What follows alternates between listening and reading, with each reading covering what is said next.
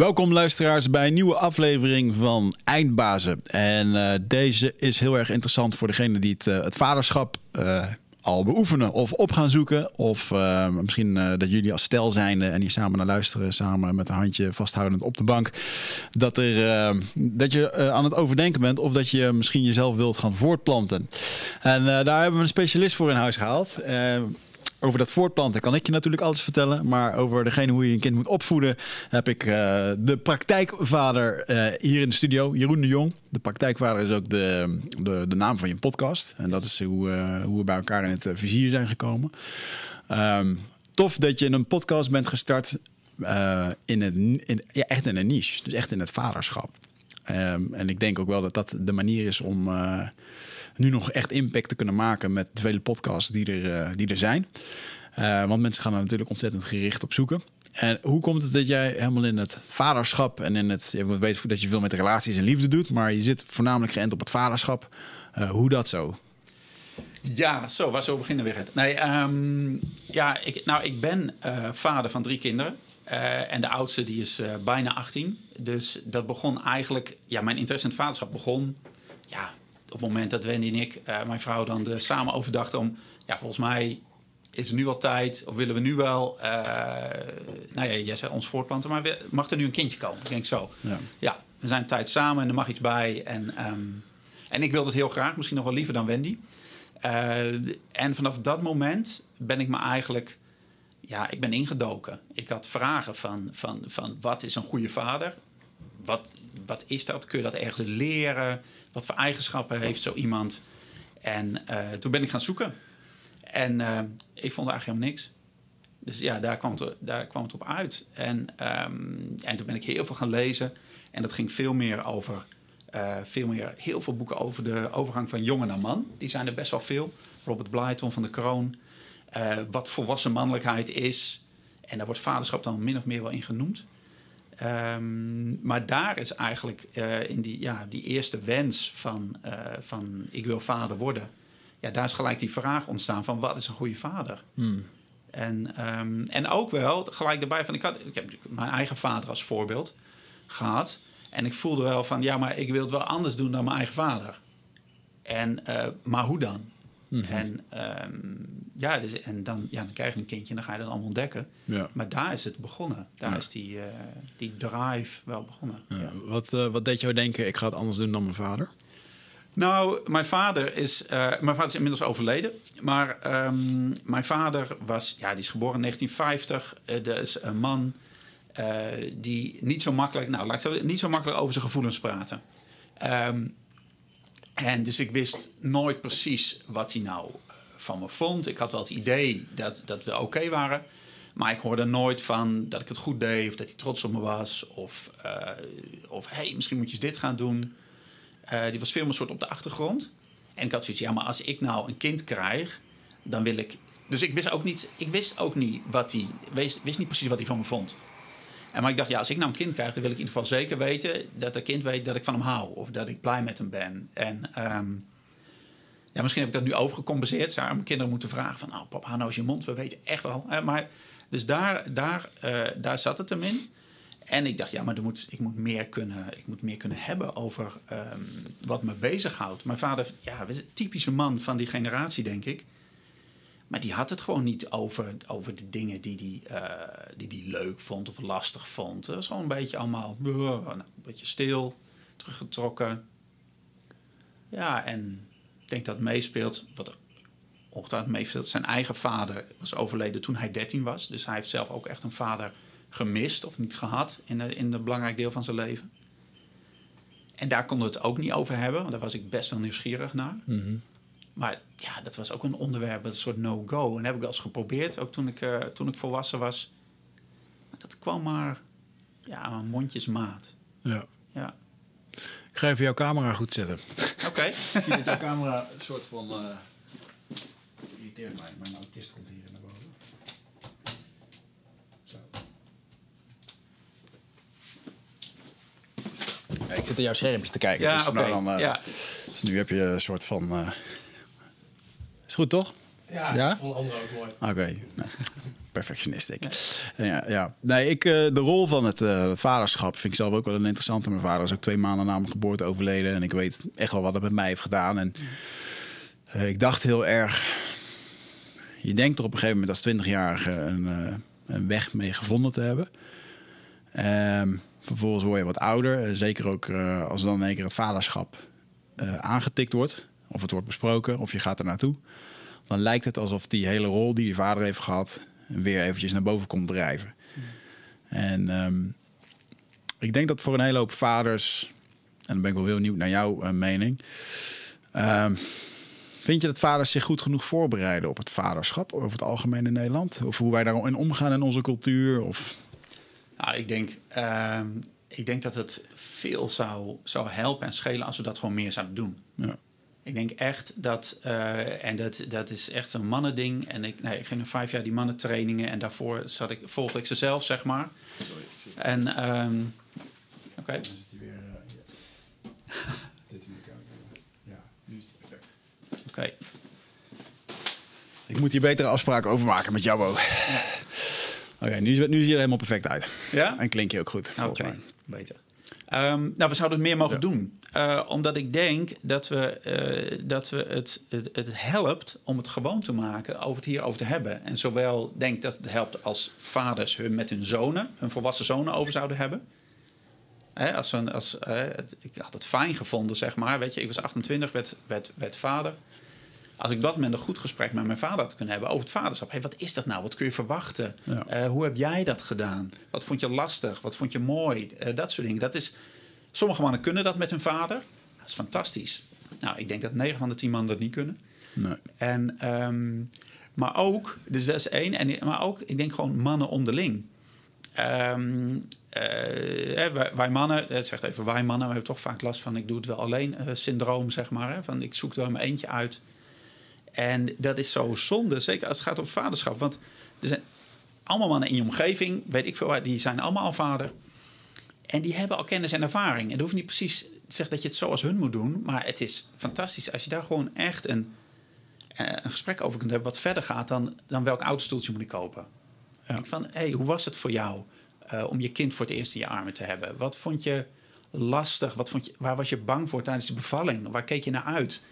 Ik heb dat soort gesprekken op een gegeven moment ben ik gaan voeren met vrienden van mij. En dat, ja, dat is, dat is hartstikke mooi. Dat is echt, dan, dan, ja, dan gebeurt er wat. Ja. En dat, dan, dan hou je die kennis en ervaring die je hebt, ehm, als je dat al mee hebt gemaakt, die hou je niet bij jezelf, maar die kun je weer delen. En dan kan iemand anders daar weer ja, zijn eigen weg mee gaan. Ik denk dat we dat zouden moeten doen. Binnen generatie, dus binnen generatie van, van, van nu vaders die nu vader zijn, maar ook tussen generaties. Dat je naar je vader of zelfs je opa kunt gaan. Van hé, hey, opa, hoe was dat voor jou? Nou, die zal dan vertellen van ja, toen ik vader werd, mocht ik nog niet eens bij de bevalling zijn, bij wijze van spreken. Of dat was toen net voor het eerst. Ja. Hoe was dat? En dat je dat volgens ook naar je eigen zoon kan doen. Ja, dat, dat, dat zou wel veel meer mogen doen. Ja. En heb jij, uh, want je vader is onlangs pas overleden? Nou, mijn vader is, uh, moet ik even tellen, zeven jaar geleden alweer. Zeven oh jaar geleden overleden. Ja. ja. hij was toen 63. Dus heb je dat gesprek wel met hem proberen te hebben? Ja, ik heb, ik heb, dat, um, ik heb dat gesprek uh, rondom de geboorte van mijn oudste proberen te hebben dat mondjesmaat. Ik heb toen naar zijn vader, hè, ik, ik heb naar zijn vader gevraagd, naar zijn jeugd. Dat komt wel een beetje op gang. En eh, later, um, later hebben we dat nogal geprobeerd. Maar wij zijn eigenlijk pas echt helemaal bij elkaar gekomen toen uh, mijn vader had kanker. Uh, dat was duidelijk op een gegeven moment dat dat ongeneeslijk was. Dus op een gegeven moment was dat eigenlijk, nou, hij heeft nog anderhalf jaar te leven. Dat, waren de, dat was de prognose. Die is ook mm. uitgekomen. Mm. Ja, dat is, dat is het moment waarop wij dichter bij elkaar zijn gekomen. Veel dichter dan, dan, dan anders. En dat heeft te maken met dat er een deadline op zit. Want je weet dat je, weet, je moet alles nu doen. Je kunt het niet meer uitstellen. Maar ook omdat mijn vader milder werd. Mijn vader werd veel milder. Omdat hij ook wist van hé, hey, het eind komt eraan. En heel veel dingen zijn er niet meer belangrijk. Ja, ja. Dus we, hebben het, we hoeven het niet meer te hebben over, uh, over de dingen waar hij niet mee eens was in de manier waarop ik mijn kinderen opvoedde, bijvoorbeeld. Die waren allemaal niet meer belangrijk. Ja. Maar we konden het wel hebben over, we konden gewoon samen zijn. En in, in echt, echt dicht bij elkaar. En misschien zelfs nog wel zonder dat er heel veel gezegd wordt, konden we elkaar echt als volwassen mannen naast elkaar zitten. En, eh, en ja, genieten van het samen zijn. En die, zeker die laatste tien dagen, dat is wel. Mijn vader, nou, ik zei een Rotterdammer, eh, geen woorden maar daden. Op een gegeven moment belt hij mij op. En hij zegt, hij was die dinsdag was hij nog bij ons in Nijmegen geweest. We waren samen naar een concert geweest met, met mijn moeder en met mijn vrouw.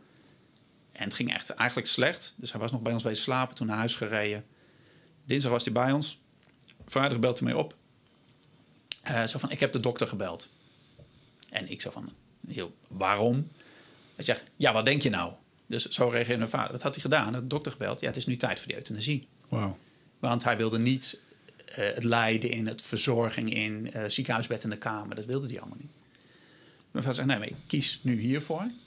En mijn moeder stond daar helemaal achter. En toen hebben we nog tien dagen gehad, van vrijdag tot met maandag. Ja, en dat is heel stom om te zeggen, maar dat zijn de mooiste dagen uh, geweest met mijn vader. Ja. ja, surrealistisch is dat. En dat, mm. als ik nu vertel, dan krijg je een soort kippenvel ervan. Maar dat is, mm. ja, dat was prachtig. Wat is het meest bijzondere moment wat je in die tien dagen met hem hebt gehad? Ja, het, is, het, is, het is een soort roes bijna. Het, is, ik, ik moet, het leek voor mij heel erg het gevoel van de tegenovergestelde van, van een kraamweek, zeg maar. Dat je ook zo, je zit een week, het kindje is geboren, je zit een week bij een soort van de wereld. En dit was ook zo'n beetje, je, sta, je stapt uit de tijd, want ja. niks is meer belangrijk, alleen nog maar dat. En um, op een gegeven moment zaten wij samen op de bank. En hij, hij sloeg zijn arm om me heen. Um, en dat was eigenlijk van, zo zaten wij vroeger, toen ik een jaar of tien, negen was, zaten wij samen naar, uh, op zaterdag om zes uur uh, naar de Duitse uh, voetbal, hoe heet dat, de sportshow, weet ik veel, de Duitse voetbalcompetitie te kijken, zeg maar. En dan zaten wij samen om zes uur en dan sloeg hij ook altijd zijn arm overheen. Alleen toen was ik een jochie van tien en nu was ik een man van, nou ja, van 243. En daar hoefden we niks te zeggen, maar we wisten dat alle, allebei. En en wat me soort later pas besefte, is dat hij. Uh, ik was toen net begonnen met praktijkvader, had net mijn eerste WordPress-site in elkaar geklooid, zeg maar. Wat artikeltjes erop gezet. En toen had hij uh, gereageerd in de comments. Um, um, want dat kon hij blijkbaar niet tegen mijzelf zeggen, maar hij reageert uh, van. Um, we hadden een gedeelde passie voor, voor muziek. en ooit uh, wilde ik heel graag naar een concert van Melissa Etheridge toe. Niemand wilde met mij mee. Toen was ik 17 of zo. mijn vader zegt, nou, ik ga wel met je mee. Nou, sindsdien was hij nog grotere fan geworden. Maar één liedje van haar is You Can Sleep While I Drive.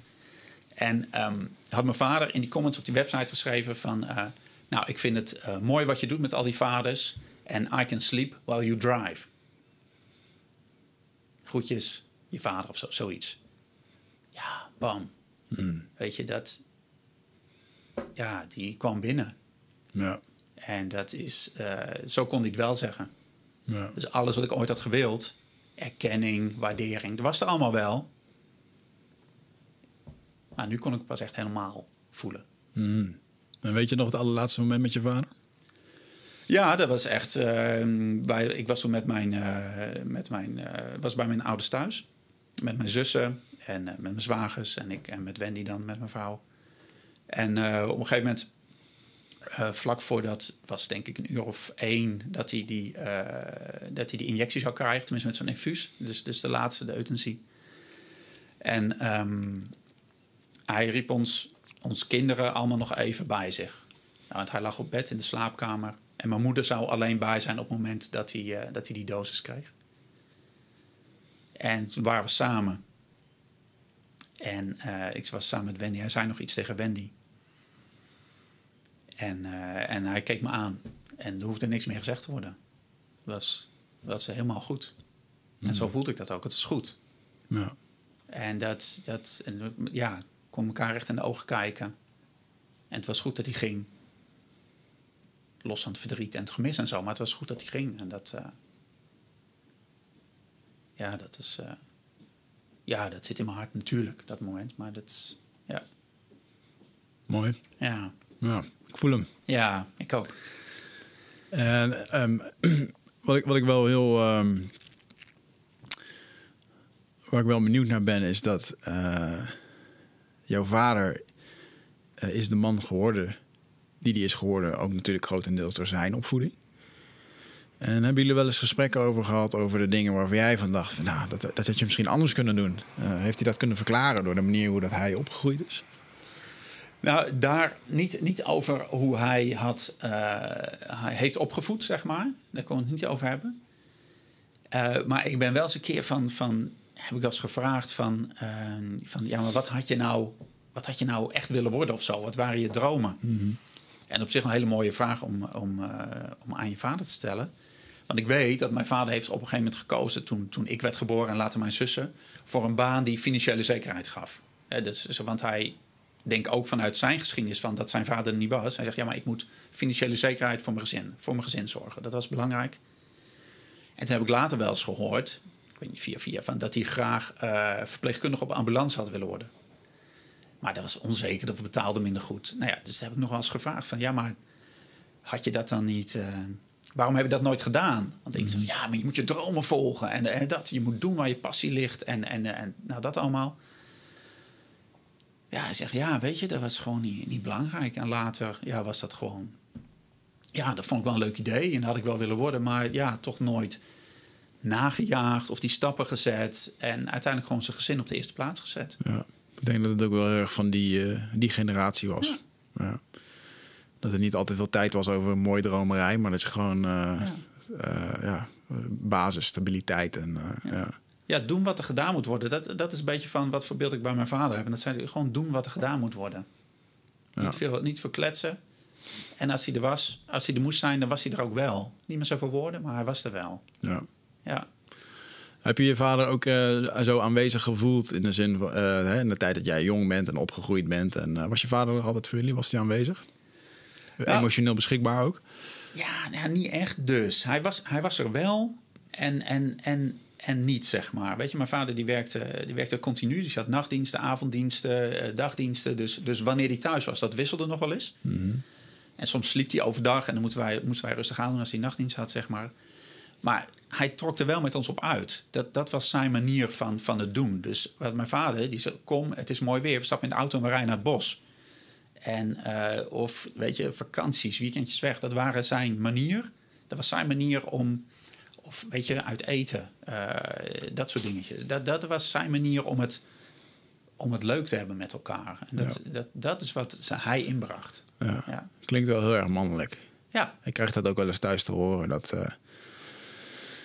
dan, dan hebben we bijvoorbeeld even een woordenwisseling gehad of zo. En dan uh, kan het wel eens twee dagen een soort van is het niet 100%, weet je Dan probeer ik altijd, kom, gaan we even dit doen. Of gaan we even dat doen. Gewoon up, in die beweging komen. Ja. En uh, dat is ook wel heel makkelijk, heel mannelijk om dan. Uh, ja, maar dat is wel heel fijn. Want, want uh, ik heb dat zelf ook. Maar ik ken ook heel erg de andere kant. En die had mijn vader ook heel erg. Om maar gewoon op de bank te gaan zitten. Ja. In die wolk van, weet ik veel, chagrijnigheid, wat het dan ook is. Ja. En dan zat hij daar. En mijn vader was een vrij grote man. Dus dat vibreerde dan ook nog lekker door het, door het huis heen. En dan moesten mijn zusjes en ik een beetje ja, nou ja, een beetje op ons tenen lopen, zeg maar. Om, en we moesten dan bijna snappen wat er al aan de hand was. Ja.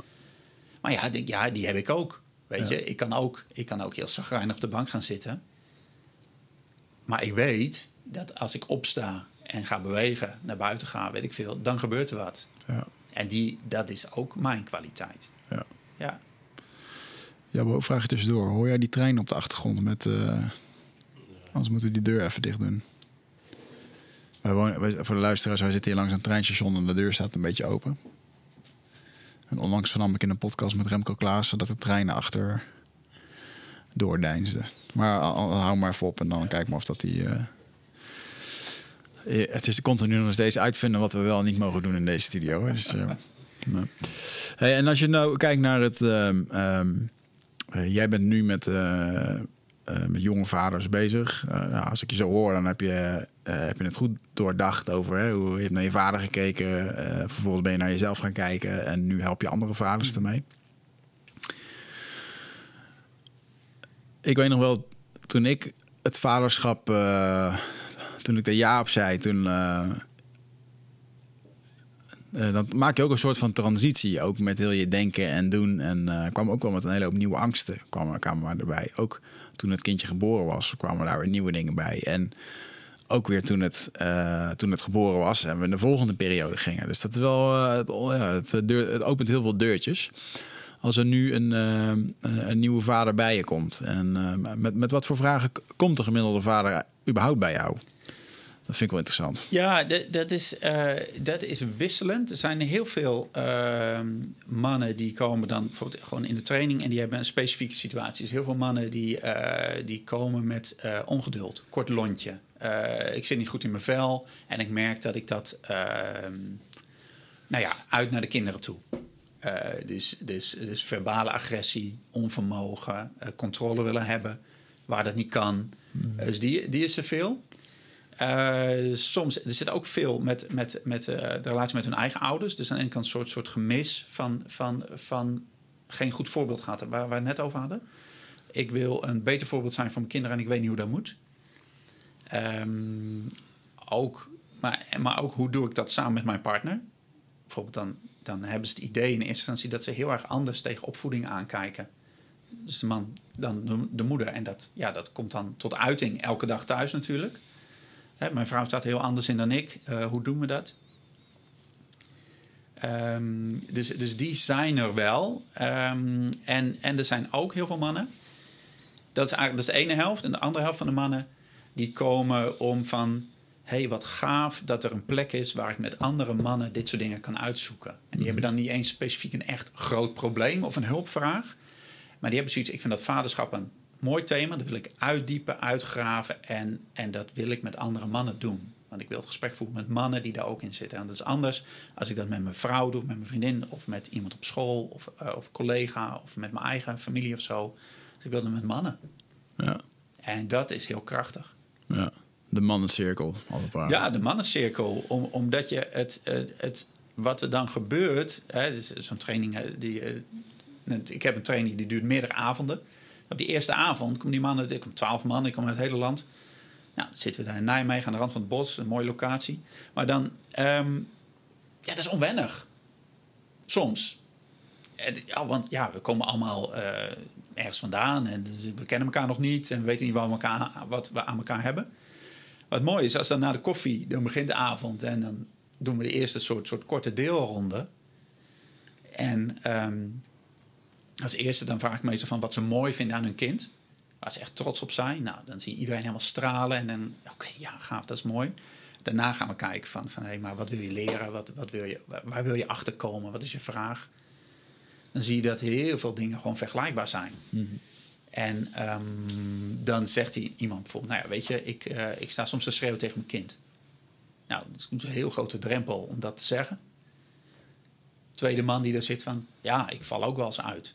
Nou, volgende man, oh, dat heb ik ook. Nou, of. Nou, oké. We doen het allemaal wel eens.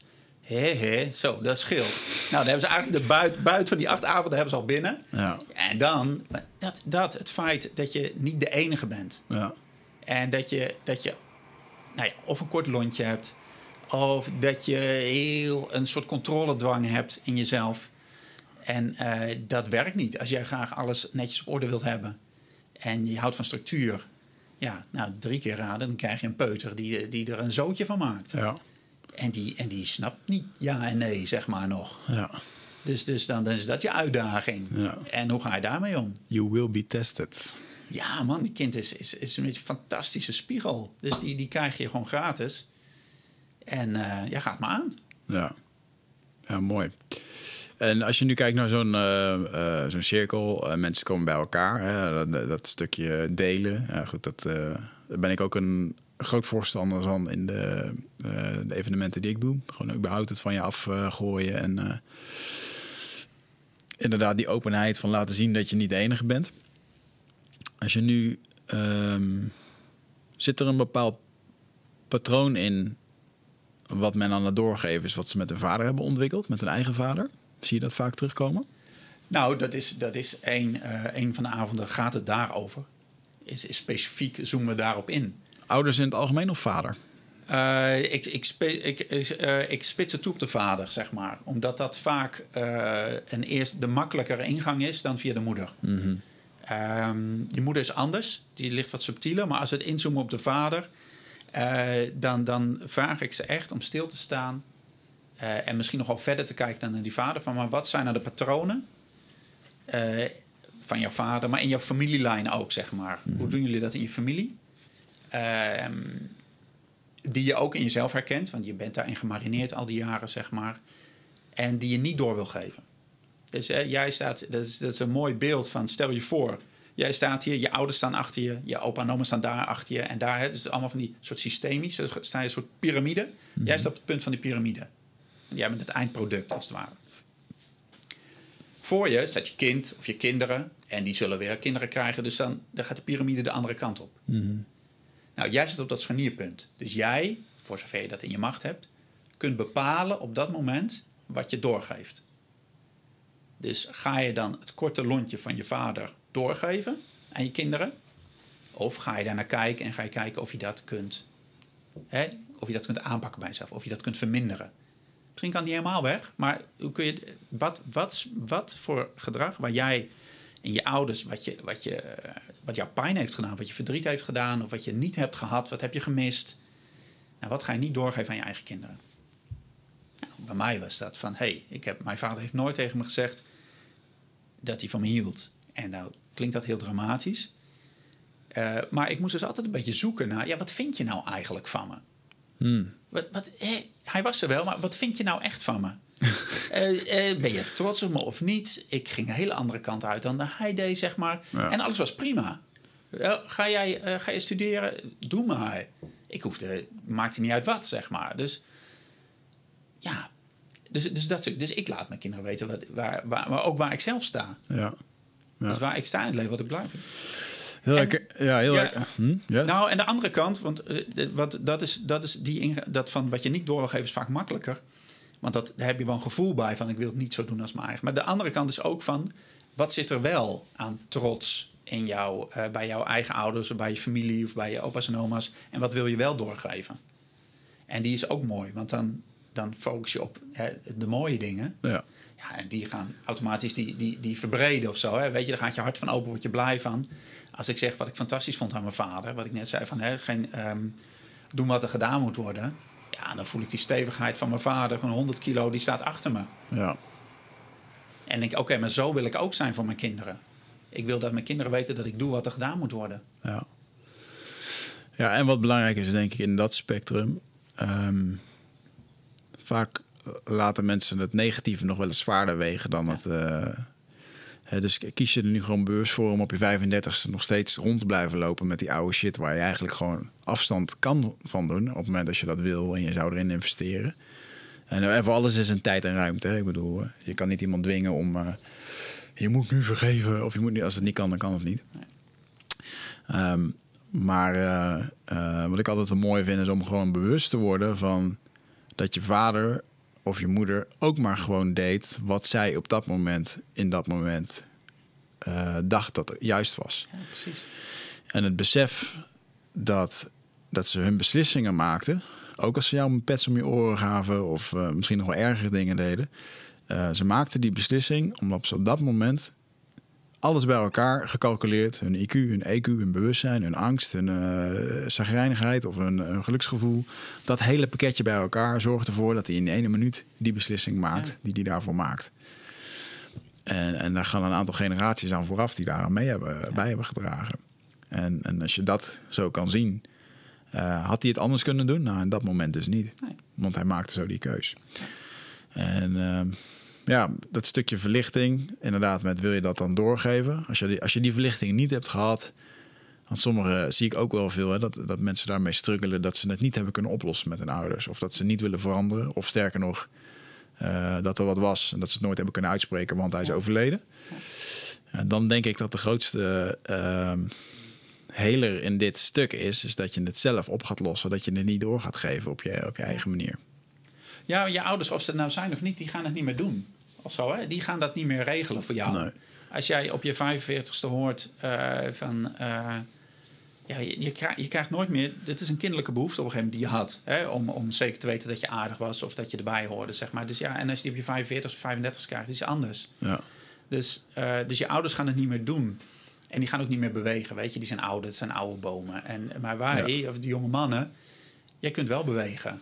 Dus, dus dat, um, ja, ik vind het een mooi, mooi beeld. Omdat het zo oer is. Weet je, als, als vader... eh, een van de eerste dingen die je doet als het kind geboren is... dan knip je de navelstreng door. Nou, ehm, letterlijk. De eerste keer, dat dat is- ja, dat is bizar. Nou, dat is- mijn oudste werd geboren in het ziekenhuis, Tijn. En die werd geboren met een navelstreng om zijn nek. Dus die moest al doorgeknipt worden voordat eh, hij helemaal geboren was. Oké. Nou, ging, ging allemaal goed. Maar op een gegeven moment was hij geboren. Toen kreeg hij die schaar in mijn handen gedrukt. En ik zeg, hè? Maar jullie hebben toch net geknipt? Hij zegt, ja, maar dat is, meneer, dat is voor de foto. Dus ik helemaal soort verdwaasd in een roes van... Oké, nou, oké dan. Selfie. Ja, ja druk. Hè, in 2002. Dus, dus, eh, ja, oké, navelstreng, schaar, knip maar. En nou ja, die foto's verdwenen, hè, die hebben we ook niet meer. Maar dat, dus dat is blijkbaar wat mannen doen. De navelstreng doorknippen. En, ehm, maar ik vind dat een mooi beeld omdat dat is wel wat je doet naar je eigen kind. Eh, steeds als hij een beetje meer de wereld ingaat, knip je hem figuurlijk door. Je steeds meer zet je hem op eigen benen. Los van, van het gezin van herkomst, los van de moeder. Maar als je ouders dat niet bij jou hebben gedaan, of niet voldoende, en je bent 35 en je merkt nog steeds dat er iets zit te, zit te etteren, of dat je nog steeds zit te wachten op erkenning of goedkeuring of wat dan ook, een bevestiging van je ouders die zeggen van nou, hey, lekker bezig, dan moet je hem zelf doorknippen. Dus dat is wat je te doen hebt dan. Ja. Dan moet je zeggen van hé, hey, ik ben een volwassen man nu. Of je nou 30, 35, 40, ik ben een volwassen man nu. Ik sta op mijn eigen benen en ik ben niet meer afhankelijk van iets wat mijn ouders me hadden moeten geven, kunnen geven. Want wat je zegt, had ze, als ze het hadden gekund, hadden ze het gedaan. Ja. Ja. ja, daar zit wel een stukje ownership in nemen. Wat je dan, eh, eh, dat is dan wat men vaak mist. Dat men in de slachtofferrol blijft, voelen zich tekort gedaan. En dat bepaalt dan ook hoe dat je je nu voelt of hoe dat je naar de wereld kijkt. Alleen eh, de andere vraag is van ja, hoe wil jij het dan? Wat wil jij dan eigenlijk? Ja, ja. weet je zelf ook niet, weet je wel. Of dat ze het patroon. eh, dat ze in de. Laatst had ik een jongen in, het, in een retreat die.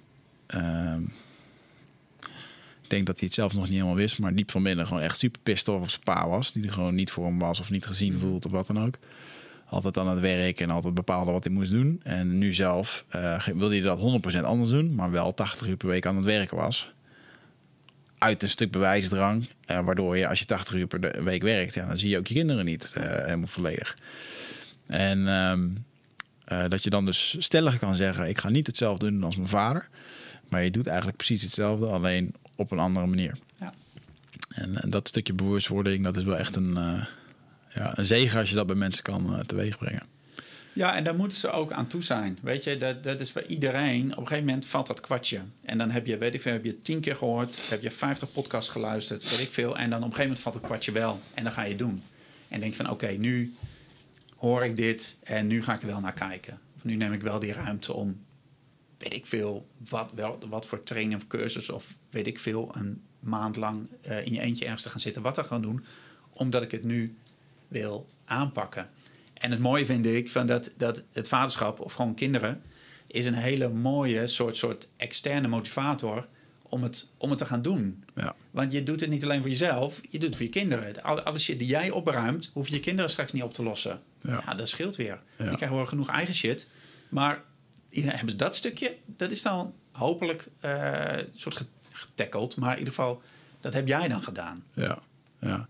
ja dat stukje, dat is natuurlijk ook wel een, eh, een ding. En een, eh, wie schreef daar nou toch een mooi stuk over? Alberto Vidoldo. Eh, Amerikaans slash Peruaanse shamaan. Die, eh, die schrijft, je hebt gewoon je hebt een soort rol als ouder zijn, als een verzorger. Maar dat is het ook eigenlijk. Ik bedoel, eh, het is wel van jou, maar ook weer niet. Ik bedoel, zijn kind is gewoon een eigen ding wat zelf de wereld in mag lopen. En je mag, ja, je mag, ervoor, je mag ervoor zorgen hier. Eh, maar je bent er niet eindverantwoordelijk voor. Nee. En dat, dat stukje, en zeker in onze maatschappij waar alles op veiligheid is en op eh, ook wel natuurlijk een stukje hoe dat je moet leven en dat stuk loslaten. Als ik dan af en toe ouders hoor, van ja, als mijn kind maar gelukkig is, dan is alles goed. Ja, dat, dat, is, dat moet niet de motivatie zijn. Je moet zelf gelukkig zijn. Eh, of een kind dat niet eh, eh, op reis durft zonder de ouders en zo. En ik denk daarbij van ja, we moeten ze wel een beetje buiten het nest zetten om, om het zelf te mogen ontdekken. En, en daarin denk ik dat die rite of passages, die overgangsrituelen, die zo ontzettend belangrijk zijn van oudsher in allerlei culturen. Dat we die zo ontzettend missen hier in Nederland. Want eh, om een voorbeeld te geven, eh, als ik naar mijn vrienden in de jungle ga en een meisje wordt ongesteld voor het eerst, dan gaat ze een week lang alleen in, het, eh, in de jungle zitten. eh krijgt ze een speciaal ritueel waarbij ze eigenlijk een week lang gewoon in de eentje zit ter overdenking. Met plantmedicijnen en dat soort dingen. En hier in Nederland krijg je een tampon in je hand geduwd en zeggen ze succes ermee. Bij heel veel. En weet je, eh, het hele heiligdom van het man of van het vrouw zijn, of hoe mooi dat het is, of alles wat erbij komt, om dat echt te begrijpen en te omarmen. Dat, eh, dat eh, ik moet me daaraan proberen niet altijd te ergeren, maar dat doe ik wel.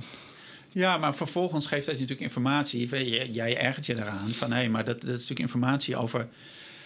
Oké, maar in wat voor wereld wil ik leven? En vervolgens, nou, jij hebt nu een dochter. Van, weet je, dan ga je het anders doen bij jouw dochter. Of jij vertelt hierover. En dan zijn mensen, oh ja, oh, dat is misschien ook wel mooi. En, en, ehm, en ik, hè, weet je, het, wij hebben die, die overgangsrituelen niet. Wij, wij leven ook niet in zo'n gemeenschapsstam zo dicht bij elkaar waar we dat makkelijk kunnen implementeren. Maar we kunnen wel zoeken naar manieren die wel Zeker. werken. Weet je, en dat, kan- dat hoeft niet heel moeilijk. Weet je, heel simpel. Toen mijn, eh, ik heb twee jongens en een meisje. Ja, ik heb, zeg ik nou, maar ja, mijn kinderen. Eh, toen de jongens 12 werden, eh, de oudste is nu bijna 18 en, en de middelste die is 15. Ik zeg, nou, wij gaan eh, op het moment dat je 12 wordt, gaan wij een dag op pad samen. En wat gaan we doen? We gaan iets gaafs doen. En we gaan een nacht in, de, in het bos overnachten. Gewoon ergens. Ja. En niet op een camping, maar gewoon in het bos. Dus ergens waar het niet mag. En dan gaan we het doen. en eh, dus had ik had twee van die soort outdoor hangmatjes. Nou, dus inmiddels zijn die gasten er zelf helemaal lijp van. En eh, zijn ze ook zelf een keer in Frankrijk met z'n tweetjes gewoon een nacht weggegaan. Maar om dat te doen, om dat te markeren, gewoon puur, je wordt nu 12. Ja. En dat is, dat is, en of dat nou, weet je, je gaat van de lagere school of de basisschool naar de middelbare school. Dat is een markeermoment. Ja.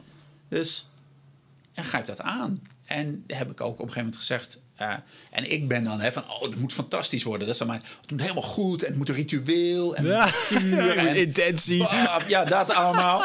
Ja. En, en eh, daar sloeg ik daar zelf een beetje mee door. Maar toen ik daar was, de eerste keer met Tijn, mijn oudste, hadden we geen plekje gevonden ergens in Veluwe. Prachtig. En er was helemaal niemand ver van de, van de paden en zo. En, en we hadden die hangmatjes opgehangen. En hij zei, oh, wat heerlijk. Hij ging in die hangmat zitten. En wat heerlijk om hier te zijn. Gewoon helemaal in de stilte. En dat was genoeg. Ja. En vervolgens, weet je, ik heb een verhaal voorgelezen van, van de Wilderman, van Robert Bly. Maar ik heb hem ook gevraagd, want dat was wel heel mooi, van... Je mag mij drie vragen stellen. En ik ga op alle drie ga ik eerlijk antwoord geven. Nou, jongen van 12. Vond ik spannend. Ik denk, Wow, ja, wat, ja. Ga, wat gaan we doen nu, hè? Wat gaan we doen? En dus hij moest heel lang denken. En ik weet ze niet meer allemaal. Maar het was voor hem... Hij wilde weten, ja, maar hoe was het nou toen je, toen je eh, uit huis ging? Dat, je, dat ik eh, van, van niet meer bij mijn ouders gewoond, maar dat ik op, ging studeren op kamers. Van, ja, hoe doe je dat dan? En dan ga je op jezelf wonen. Hoe doe je dat dan met eten en met boodschappen doen en koken? Dus dat wilde hij op dat moment. Was dat voor hem een relevante vraag? Van, Ja. ja, ik moet dat ook een keer gaan doen. Hoe doe je dat? Ja. Nou ja, we konden daar een heel mooi gesprek over hebben. ja, te gek. En, dat, dat, en dan zonder allemaal intenties en weet ik veel, allemaal dingen van. eh, maar gewoon en dat, dat in de eenvoud. En vervolgens was het gewoon lekker een, eh, weet ik veel, een hamburger bakken stiekem. eh, op, en en ja, dat. En dan Ja. heel de nacht samen zijn. En dan s'nachts wakker worden van een dier wat, wat geluid maakt. En denk je, is het nou een hert of is het een vos? Of Ja. weet ik veel. En ja, dat. Ja, mooi. Ja, dat, zijn. En dat, dat kan dus ook vrij eenvoudig. Ja. ja, ik denk het ook wel. En ik, ik herken jezelf wel. Ik heb nu al allemaal plannen gemaakt hoe ik straks Lea mee naar de jungle sleep. En, eh, Ja. Maar uiteindelijk moet zij dat natuurlijk ook gewoon willen. En, eh, en ik zie ook wel dat we lekker een week een keer naar Zweden gaan. Zo'n eh huttentocht of daar lekker... ja, dat is goud. Maar überhaupt als je al gewoon... Als je al gewoon zegt van joh, je wordt nu 12. Je gaat gewoon een volgende fase in. Dan gaan we gewoon vieren. Ja. En, en dat alleen al geeft al genoeg eh, lading aan dat het iets bijzonders is. Of dat ze er zelf over nadenken. Ja. Nou ja, en ik denk dat we dat ook mogen doen op het moment dat, dat je voor het eerst vader wordt, bijvoorbeeld. Dat is ook zo'n moment. Van dat we dat als mannen zouden kunnen doen. Stel, je hebt een vriendengroep. Nou, de een die, die eh, wordt vader. Nou, komen we bij elkaar. Met z'n vier of met z'n zes of met z'n acht of zo. En dan zoeken we, gaan we weet ik veel, ergens buiten zitten. eh, ergens in de natuur of op een fijne plek. Nou, dan gaan we het over hebben. ja. Wat heb jij gedaan? Nou, ik heb helemaal niks gedaan. Want eh, ik was de eerste ongeveer die vader. Ik denk, oh, wat gaaf. Dat had ik willen doen, zeg maar. Nou ja. En, ehm, en op een gegeven moment ging mijn vrouw dat wel doen. Dat was zo'n, eh, toen, toen, toen, die deden dat met vriendinnen wel. Dat ze dan als, eh, voor de zwangere bij elkaar kwamen met, met een groepje van zes, zes vriendinnen. Nou, dan werd die zwangere vrouw die werd, eh, een beetje in de watten gelegd. En, en, en dan ging ze, weet ik veel, masseren. Met dit, en, maar ook, het ging wel over het contact en, en het, de overgang maken naar, naar die bevalling voor die vrouw. Ik vond dat heel mooi. En ik heb toen wel een keer bij, bij een vriend die dat deed, heb ik dat initiatief genomen om dan wel met een groepje mannen bij elkaar te komen. Op het moment dat hij eh, voor zijn tweede kind, uh, dat het tweede kindje aankomt. Ja, dat was heel mooi. Dan zit je gewoon met vijf mannen, zaten op een strandje aan de rivier, vuurtje erbij. En, en het hebben over, hey, wat, wat heb jij nog, wat, wat weet jij nog van de eerste keer dat je een kind kreeg? Wat is je bijgebleven? En wat gun je ook die, die man die nu, hè, wat gun je die man die, die, die, die straks een kindje krijgt? Wat gun je hem toe tijdens die uh, bevalling? Uh, want heel veel aandacht gaat natuurlijk gewoon naar de vrouw. En dat is ook logisch. Maar wat heb jij als man nodig? Dan vind je het ook fijn als je echt gesteund wordt. Ja. Hè, je bent natuurlijk vooral dan supporter voor je partner. En, uh, maar hoe zorg je voor je eigen support? Ja. En als er nu in de trainingen die ik geef, als er een man een kindje krijgt, zeg maar, ja, dan staan we daarbij stil. En van, hé, hey, van jij gaat straks, weet ik veel, over drie weken is je vrouw uitgerekend. Nou, misschien zien we je voor die tijd niet meer. Maar dit geven we jou mee. En als er iets is, dan, dan bel je ons of dan app je ons of weet ik veel. En dan zijn Ja. we er voor je. Ja. Ja. Ja, mooi. Ja, ik heb zelf voor mijn eigen, voor mijn bevalling moet ik zeggen, ehm, voor mijn eigen vaderschap hebben wij eh, de hulp ingeroepen van een eh, voetvrouw, holistisch, Hm. holistische inslag. Maar ik durf wel te zeggen dat die vrouw onze relatie ook wel gered heeft. Ehm Marieke was ook echt wel een, eh, een leeuwin als het ging ook in hormonen. En ehm, ik begreep haar echt niet. Zij veranderde zo erg en eh, ik kon er soms ook niet in meekomen. En waar ik toen heel erg achter ben gekomen, wat voor mij eh, heel confronterend en emotioneel was, eh, was dat zij een hele hoop miste in mij als vader zijnde qua gedrag. Want ik, had bepaalde dingen moeten doen en of ze vond dat ik op een bepaalde manier moest acteren die ik niet deed. En ehm, kwam ik eigenlijk tot de conclusie van ja, je eist dit allemaal van mij. Maar ik heb dit nooit. Ik heb nooit een voorbeeld gehad waar ik dat van aan heb genomen. Of natuurlijk heb ik veel rolmodellen om me heen gehad en mensen die voor me gezorgd hebben. Maar eh, het echt vader zijn en eh, het omgaan met, een, eh, met je vrouw en dat soort dingen, dat miste ik gewoon. En dat voelde voor mij als een heel leeg gat. Waar ik zelf dus een invulling aan, aan moest gaan invullen. En daar werd ik eigenlijk pas mee geconfronteerd op het moment toen ik erachter kwam dat ik het gewoon. eh, dat plaatje had ik helemaal geen beeld bij. Ja. En eh, voor mij, eh, het, het- toevallig was ook een goed moment. Ging ik toen naar de jungle toe. Eh, ging ik een keertje terug om mee te doen met een soort. werd ik ingewijd in de stam. Wat ook een ritueel daar is, waar je normaliter van jongen naar man gaat. Nou, hoe toevallig moest dan ook zo zijn. En vier dagen durend ritueel. En ik weet nog wel dat ik daar. Eh, mede onder invloed van, eh, van ayahuasca een, eh, echt een diep proces had. Ehm, waarbij ik zo ontzettend angstig was dat ik dat ik dat heb ik nooit gevoeld. En ik had toen al 80 plus ayahuasca sessies erop zitten. Dus ik dacht dat ik het allemaal wel had gehad. Maar dat was echt een sessie, jongen, dat ik dacht... Ja, ik... dit, oversteeg uit alles qua angst. En waar ik toen later achter kwam, was dat was de angst die ik nog als jongen bij me droeg. En die ik niet meer nodig had om in het, in het man zijn te kunnen functioneren. Dus dat is wat ik in die Ride of Passage heb, eh, heb achtergelaten. En eh, ik durf wel te zeggen dat ik als een andere man ben teruggekomen uit die jungle toen ook. Ja. ja. Mooi. Dus, eh, maar goed, dat was, dat was mijn extreme manier weer om het zo te, te, te doen. Ja. Ja. Nee, maar hoe mooi was het geweest van je hebt het op deze manier gedaan, dat is prima. Natuurlijk, want je doet, iedereen doet wat voor hem werkt. Maar hoe fijn zou het zijn als je al voor dat moment gewoon dat het gewoon was dat je met andere mannen daar, daarover hebt. En het is ook nieuw voor mannen, hè? Van, van vrouwen. Die, die, die, die, die bevallen al natuurlijk al zolang we als mensheid bestaan, zeg maar. Dus die, die wijsheid en die kennis, die is soort. Die, zit er, zit, zit, die, hebben zij. Die Ja. zit in hun lijf, in hun weten. In al die vrouwen die, die, dat, die bevallen, hebben, bevallen zijn. Maar pas sinds de jaren 60 mogen wij mannen wordt ze- van ons verwacht. Eerst mochten we niet bij de bevalling zijn, maar nu wordt van ons verwacht dat we er zijn. Ja, Dus dat is twee, twee drie generaties. ja, Dus we hebben geen idee. Dus we moeten het van elkaar leren. ja. Van, wat, wat, wat, hoe is het? Wat, wat gebeurt er als een vrouw tijdens de bevalling ehm, in, in zo'n... hè, dus- een, nee, je kent allemaal van die fases. Nou, die laatste fase, eh, dat, dat, dat die wee het heftigste zijn... Ja, dat, wordt, dat leer je dan op de zwangerschapscursus. Ja, dat wordt ook wel de mopperfase genoemd. Nou, de mopperfase, dat is soms wel zacht uitgedrukt. Dat, is, dat, is, hè, dat kan heel heftig zijn. Ja. En, maar als je de- als man weet, oké, dat, dat, dat, is, dat, dat gaat gebeuren. Ik kan dat hebben. Het is niet persoonlijk. En ik moet gewoon blijven staan en er zijn. Ja, het is fijn als je dat dan van tevoren gehoord hebt. Maar als je denkt van, oh, wat, ge- wat gebeurt er hier nou? En ik doe het allemaal niet goed. En ik heb, oh, ik moet dat washandje wel of dat washandje niet. Of ik moet masseren, ik moet niet masseren. Als ik masseer... Weet jij Ja. veel? Ja, wij hebben daar heel erg goed op georiënteerd. Gewoon, eh, door hoe zie jij de bevalling? Wat is de ideale bevalling voor jou? En dan zonder het van elkaar te weten, alle twee te beschrijven. Ja. En eh, ik weet nog wel dat er toen een... eh, toen hebben we nog een keer een, iemand anders erbij geroepen. En die eh, vertelde dan eh, van ja, Wigert, hoe zie jij het dan? Ik nou, ik zie het gewoon als een, echt wel een prestatie, weet je wel. Gewoon 24 uur knallen. En eh zij zei, nou, laten we die prestatie er even afhalen. En die 24 uur ook, want het kan ook 48 uur duren. En dat, dat, dat beeld wat je erbij hebt, dat moet je wel gelijk zetten om, om het voor alle twee fijn te maken. Ehm, de, de mannencirkel, daar wil ik het nog wel eventjes over hebben. Want het is wel een opkomend ding. Ik vind sowieso masculiniteit eh, in Nederland eh, gaat het over het algemeen, mijn bescheiden mening, gaat het niet goed mee. Om meerdere, meerdere eh, manieren. Het wordt niet meer geleerd. Het wordt denk ik op een verkeerde manier aangeleerd wat het is om een man te zijn.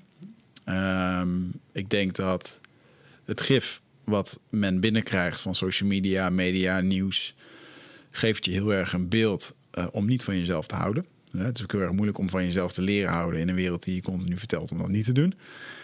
En vervolgens moet men zelf ook nog een beeld gaan creëren over zichzelf, wat het dan is om de juiste man te zijn. En dat heeft dan weer te maken met een stuk persoonlijk leiderschap en inzicht. En eigenlijk 9 van de 10 keer als ik op een podium sta en ik vraag aan mensen weet je exact wat je over drie of vijf jaar wil, dan kan men het niet goed beschrijven. Oftewel, er wordt, niet, er wordt weinig gedaan aan zelfreflectie over het algemeen. Nu zie ik de mannencirkels wel eh, opkomen. En in mijn retreats ben ik ook echt een fan van het delen en eh, de, het kwetsbaar zijn. En, ehm, maar ik heb wel, ik heb nooit aangetrokken gevoeld tot een hele grote groep mannencirkels wat ik in Nederland zie. Omdat ik daar echt een soort van, eh, wat ik daar zie, dan denk ik, ja, hoe kan ik het zeggen? Ik ga het gewoon zeggen zoals ik denk, dat vind ik gewoon te mieterig en te, te zoetsappig en te... ehm, wat ik er dan van zie. En eh, ik heb daar gewoon dan een, een, een gevoel bij van ja, dit is echt niet voor mij. Eh, eh, kan jij, ik heb jij daar een bepaald. ehm, wat is je gedachte daarbij als ik dit zo zeg? Ja, Is dat iets wat, her- wat herkenbaar is? Zijn er verschillende gradaties in? Of, Nou, ik weet niet of er verschillende gradaties in zijn. Maar wat je natuurlijk hebt van, weet je... ehm, je zoekt iets wat uiteindelijk wat, wat bij je past. En waar je op mee resoneert. En waar je denkt van, hier kan ik iets halen. Of hier kan ik iets leren. Of hier voel ik me thuis. ja. En, ehm, en er zijn heel veel mannen die mannencirkels aanbieden. Ehm, dus dus als eh, dus je bent daarna op zoek, dan ga je zoeken, net zoals bij ieder willekeurig ander ding, van Ja. waar ga ik op aan? Ja. En ehm, ik denk dat, eh, dat eh, waar we weer voor uit moeten kijken, is dat we elkaar gaan beoordelen op dat er weer, of dat we weer dat er één bepaald beeld waar we juist van af zijn van wat echte masculiniteit of echte mannelijkheid dan is. En ja, en daar moet het dan aan voldoen. En de rest voldoet dan niet meer. Oh, godzijdank zijn er zoveel mannencirkels. Kan iedereen uitzoeken waar die het beste bij past. En als je daar bent en het past niet, dan, dan ga je naar de volgende toe, zeg maar. Ja, je triggert me nu wel met wat je nu zegt. Want eigenlijk waar ik me dan aan irriteer is dat, het, dat, sommige, dat ik sommige te feministisch eh, acht. En eh, ik hou ervan, of ik vind dat een man zijn shit op orde moet hebben, eh, doelen mag stellen. Ik vind dat er ook een stuk fysiek component aan vast zit. Al- is het om je hormoonhuishouding recht te trekken, weet je wel. Dat soort dingen, dat zoek ik wel echt. En eh, ja, misschien is dat ook wel een beetje het. eh, en als ik het dan benoem over. eh, ik vind het slecht gaan met de man in Nederland.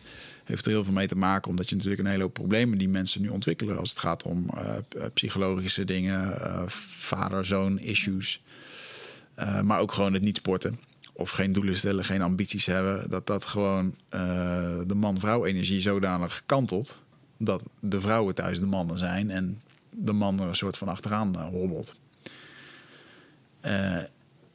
Is dat het gros van Nederland? Dat zou ik eigenlijk niet durven zeggen. Maar ik, een antwoord, ergens denk ik dat die verhouding bij een hele hoop uh, niet, niet correct in balans is. Nee, en, en dat, is, dat is denk ik een manier om ernaar te kijken. Um, en dat is blijkbaar een manier die jou trekken, die, die bij jou past, zeg mm -hmm. maar.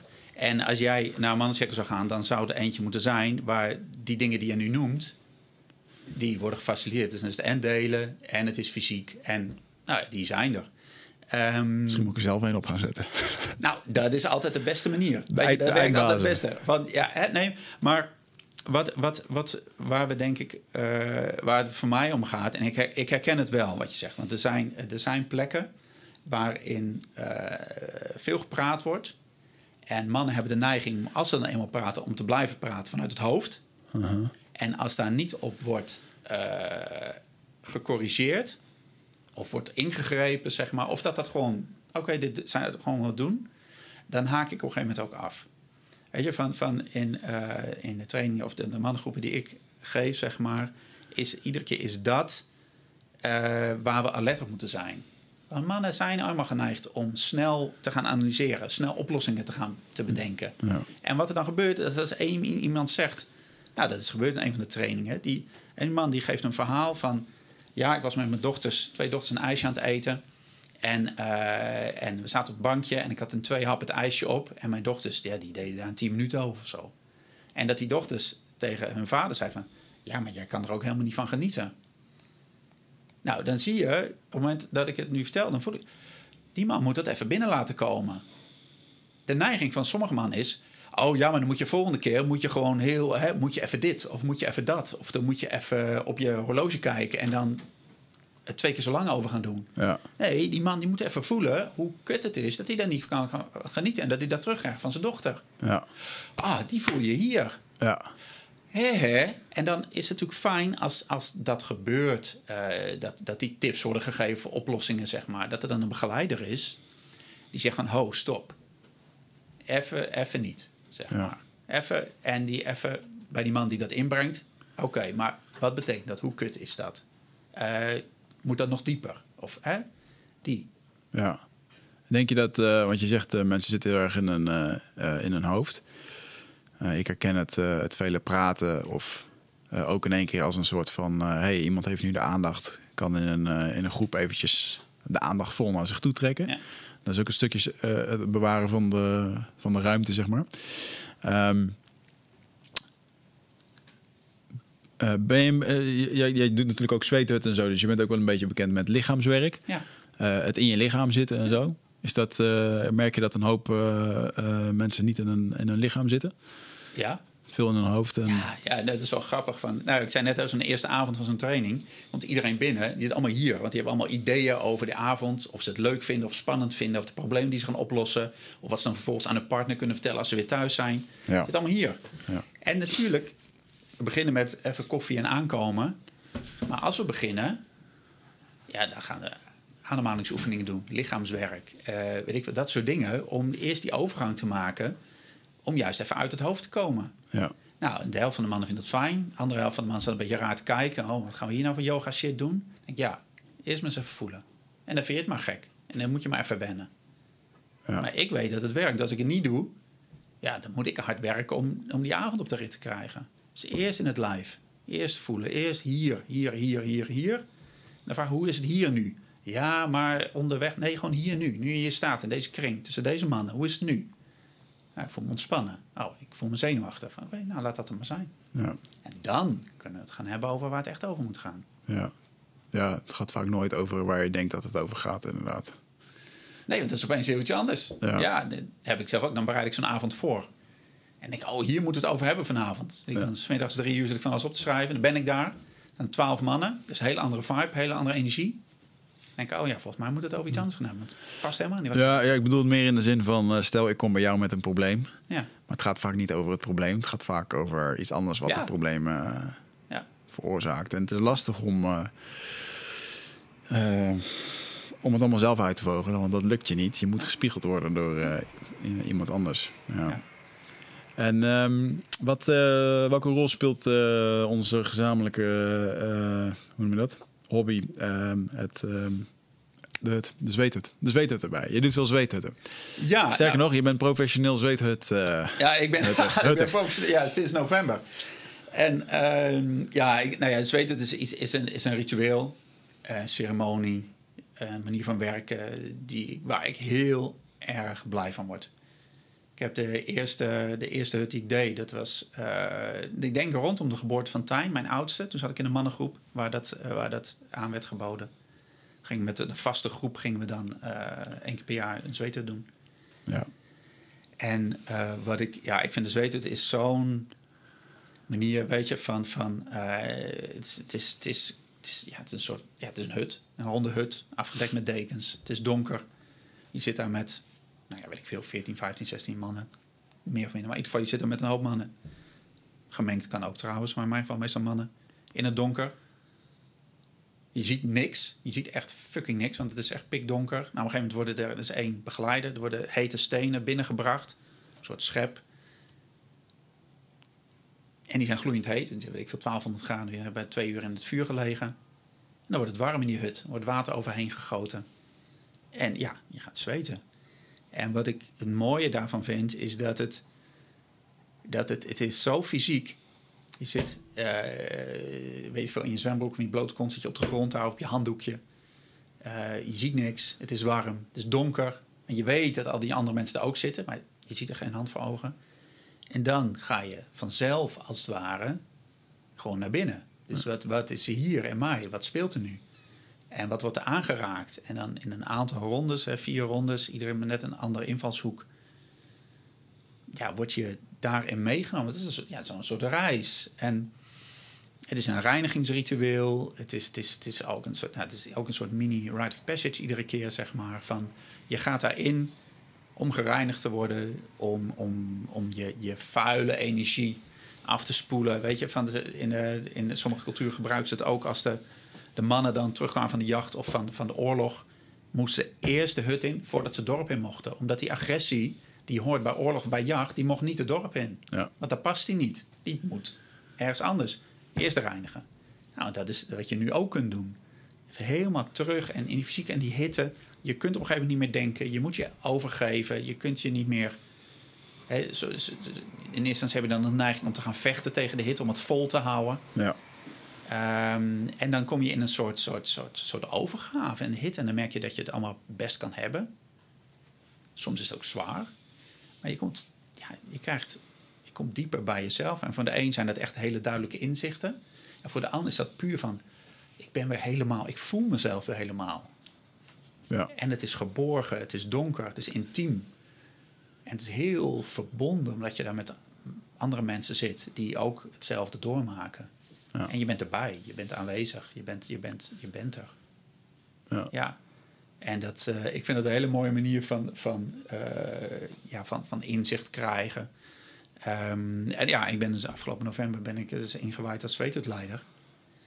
En eh, toen mocht ik... Heb je dat in Amerika ook gedaan dan? nee, officieel, hier of in? Nederland. Oh. Bij Bart Wiegers is een hele fijne man. Die daar zoveel ontzettend veel ervaring mee heeft. En die zelf opgeleid is wel in Amerika. En ehm, ja, ingewijd, mooi gedaan. En, en uiteindelijk dan in maart, op de zondag dat Nederland in de lockdown ging, mocht ik nog een zweethut doen. Hmm. Had ik gedaan. En toen zaten we terug in de auto. Toen kregen we al die berichtjes van de scholen gaan dicht morgen. Ja.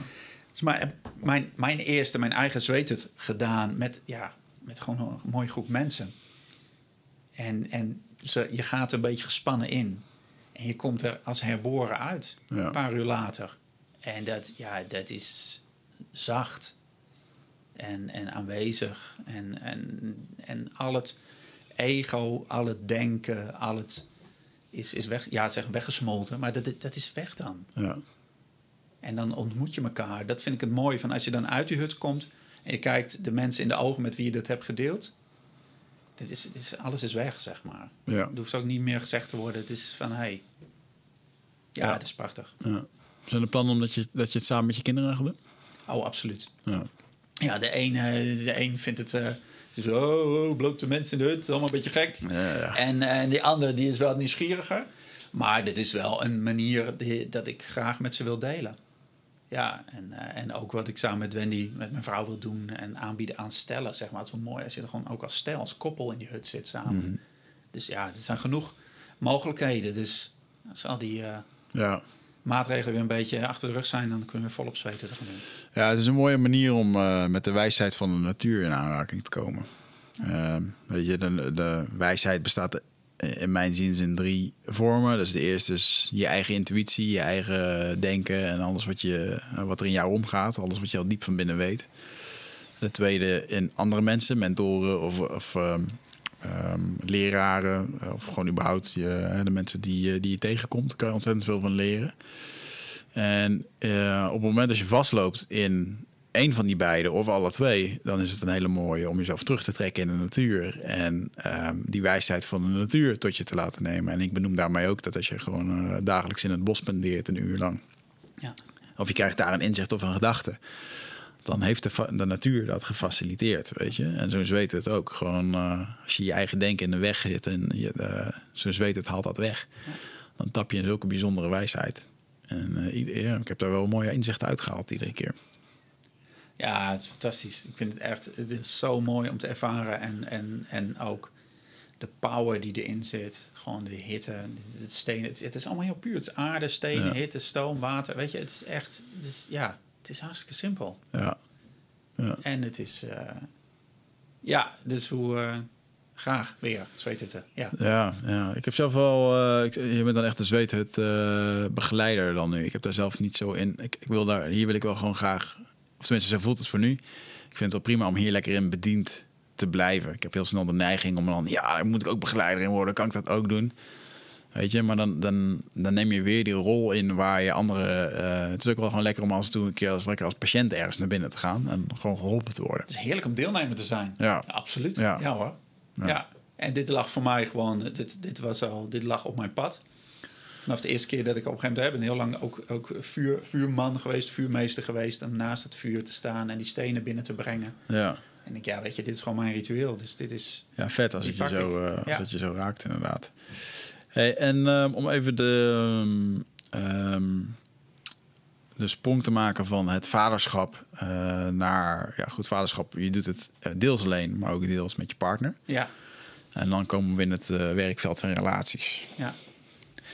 De universiteit van het leven, zoals een wijsje maan dat ooit tegen mij zei. Je relatie, ja man. Oh. Ja, ja, ja. Ik denk dat je kinderen je spiegel zijn. En ja, dan komt je partner er ook nog eens bij. Hè? Ja. Ja, zeker wel. En eh, dat vind ik soms wel eens een. eh, ehm, ik ben blij dat ik in een hele gelukkige relatie zit. eh, waar alles in openheid en veiligheid eh, gedeeld of verteld eh, kan worden.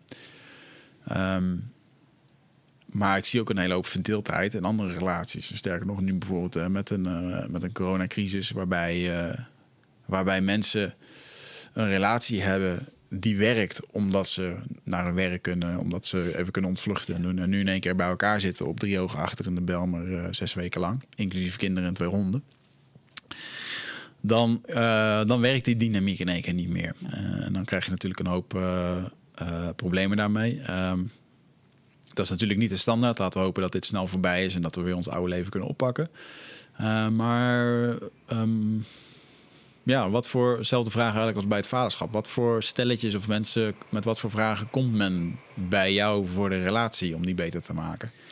Want Ja. ik, ik zie het niet voor me als relatietherapie, eh, wat er bij jullie... Nee, het wij werkt therapeutisch, maar Het is, het is, eh, het is, wij noemen het zelf relatiebegeleiding. En, ehm, en wat, wat de mensen die komen bij ons is, eh, dat is heel divers. We hebben echt stellen die komen van, dit is de laatste strohalm. We komen een dag bij jullie volgen, we geven een training van een dag. Ook een jaarprogramma, maar de dag is het meeste. Die komen op die dag, zeggen, dit is het laatste, wat, dit is het laatste redmiddel. Die fix, komen. fix ons. Ja, we weten het niet meer. We weten, nou ja, Ja. dan gaan we maar dit doen. En ehm, dus die komen. Er zijn stellen die eh, merken, en dat is misschien het grootste deel, die, eh, die kinderen hebben, jonge kinderen hebben. En die zeggen, ja, weet je, we, we, we, we, we, we redden het best als gezin. Hè? Als, als economische eenheid, om het zo maar even te zeggen. Dat, dat gaat best goed. Maar de, de vonk is weg. We, we zijn meer ouders dan geliefden. Dus, en dat zullen heel veel mensen herkennen. Ja. En, en, maar ook, eh, en ook van, ja, we vinden elkaar leuk, we weten dat we bij elkaar horen. Er zijn zoveel dagelijkse irritaties, de communicatie loopt niet. Eh, dat kan anders. Uh, we vrijen niet meer of niet zo vaak als we zouden willen. dus dat zijn weer mensen die, die, die duidelijk, duidelijk een, een, een, vraag hebben. En er zijn ook heel veel stellen die zeggen van... Oké, we staan nu hier met onze relatie. Ik wil geven mijn relatie een 7, bij wijze van spreken. Ik wil een 8. Of ik, wil, ik heb een 8 en ik wil een 9. En, want, en we willen investeren, persoonlijke groei. Want mensen die, die het gewend zijn om, om coaching te doen, zeggen: Oké, nu gaan we iets samen doen. Want ik doe mijn training in je eentje, jij doet je training in je eentje. Hoe fijn zou het zijn als we nou samen iets volgen? Want dan hoef ik s'avonds als ik thuis kom, hoef ik niet uit te leggen wat ik nou gedaan en geleerd heb. Ja. En dan hebben we het samen ervaren. En dan hebben we een gezamenlijke ervaring waarop we door kunnen gaan. Dus, dus die, die, zo, zo breed is het. En, um, en het mooie daarvan vind ik, is, jij zei net van de vraag waarmee je komt, is lang niet altijd wat er aan de hand is. Ja, het is één, wat een tijdje terug hadden we een stel, uh, twee jonge kinderen. Of ja, twee of één. Nou, van twee jonge kinderen. En, um, en, en zij, ze zaten allebei helemaal stuk. Zij had uh, een zware bevalling gehad, uh, was heel erg moe. Uh, heel veel zorgen om het kindje gehad. En, uh, en nou, het kindje sliep ook niet goed, zeg maar. Dus die, die, was al twee jaar gewoon helemaal stuk. Nou, die man, die probeerde dat, die partner alles een beetje te regelen met werk en voor haar zorgen. Dus die zat ook helemaal stuk. En die kwam er binnen met het verhaal, ja, maar dit is echt de laatste strohalm. En een half uur is al duidelijk dat ze helemaal moe zijn, helemaal kapot. En dat dat is wat ze toe moesten geven. Ja. We zijn zo moe dat we het niet meer weten. Nou, dat is uitsproken natuurlijk. Hè, dan vloeien de tranen, zeg maar. En na een half uur kijken ze elkaar aan en zeggen ze... ja, maar dit is wat er is. We, zijn, zijn, allebei ja. hartstikke moe. Het is niet zo dat ik je niet meer leuk vind... maar ik ben zo moe dat ik niet meer weet waar ik moet zoeken. Ja, we zijn er weer. En dat, dat lukt dan niet om daarachter te komen thuis. Want dan zit je midden in, die, ja, in gewoon de, de riedel die toch moet gebeuren. En op het moment dat je eruit stapt... En met een weekendje weg, dat lukt het vaak ook niet. Want dat is dan weer even zo'n... Hier moeten we het op doen, zeg maar. Oh, even helemaal weg. En dan, maar ja, maandag, dan ben je weer thuis van je weekendje Parijs. En dan, dan gaat alles weer door. En dan ben je misschien wel een beetje uitgerust. Maar dat je tot inzichten komt samen. En dat je daarop verder kunt bouwen. Ja. Oh, dit is wat knelt. Hier gaat het mis tussen ons. Ja, ik denk wel dat als je... Um, want vaak mist men komt natuurlijk ook omdat ze de verbinding missen. Wat is ja. bij jou de key voor de verbinding? Wat is de, wat is de secret? Als je verbinding wil, dan zul je open en eerlijk moeten communiceren. Hoe spannend dat soms ook is. Want als jij dingen niet gaat zeggen in je relatie, dan gaan ze ergens wringen, etteren. Als ze, als ze niet weggaan, dan maar als, ze, als, als dat blijft, dan gaat er iets wringen of het gaat iets etteren. En ik denk dat merk ik in de training dat heel veel voor vrouwen is dat vooral heel belangrijk, denk ik. Voor mannen denk ik ook, maar voor vrouwen daar is het meest opvallend. Dat, dat, dat, dat een vrouw, de meeste vrouwen die ik zie, willen een partner waar ze op kunnen bouwen. Nou, ik heb er ook zo eentje thuis, die is, heel, die is van de eerlijkheid. Die zegt: Het maakt me niet uit wat je, wat je denkt, of wat je wenst, of wat je zou willen, als ik maar weet. En dan hoeft het misschien niet gelijk geregeld te worden, maar dan weet ik waar ik me toe moet verhouden. Ja. Als ik niet weet, ja. En dat kan echt, dat kunnen echt stomme kleine dingetjes zijn. Dat bijvoorbeeld van, van ik wil mijn motorrijbewijs halen, maar ik weet dat mijn partner dat echt helemaal niks vindt, want die vindt dat gevaarlijk, die is bang dat ik dood ga, dat soort dingen.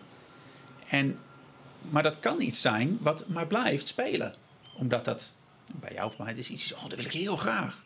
Maar dat ga ik dan niet zeggen, want ik wil geen gedoe. Ja. Dat, dat is iets, iets, iets kleins, nou kleins, maar dat kan iets groots worden.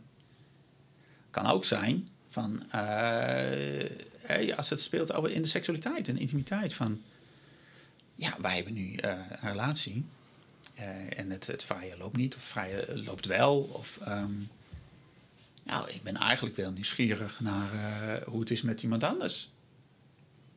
Want, weet je, van, wij, eh, wij kennen elkaar van jongs af aan ik ben nooit met iemand anders geweest. Als je dat gaat zitten verzwijgen, dan, gaat het, dan blijft dat etteren. Dan word je er alleen maar nieuwsgieriger naar. En dan Ja. komt er iemand voorbij, flirten, weet ik veel. Nou, en dat is op zich allemaal niet fout. Maar op het moment dat je gaat merken dat het in je relatie is, dan moet je naar je partner gaan en zeggen: hé, hey, hier heb ik last van. Ik merk dat ik eigenlijk heel nieuwsgierig ben naar iemand anders.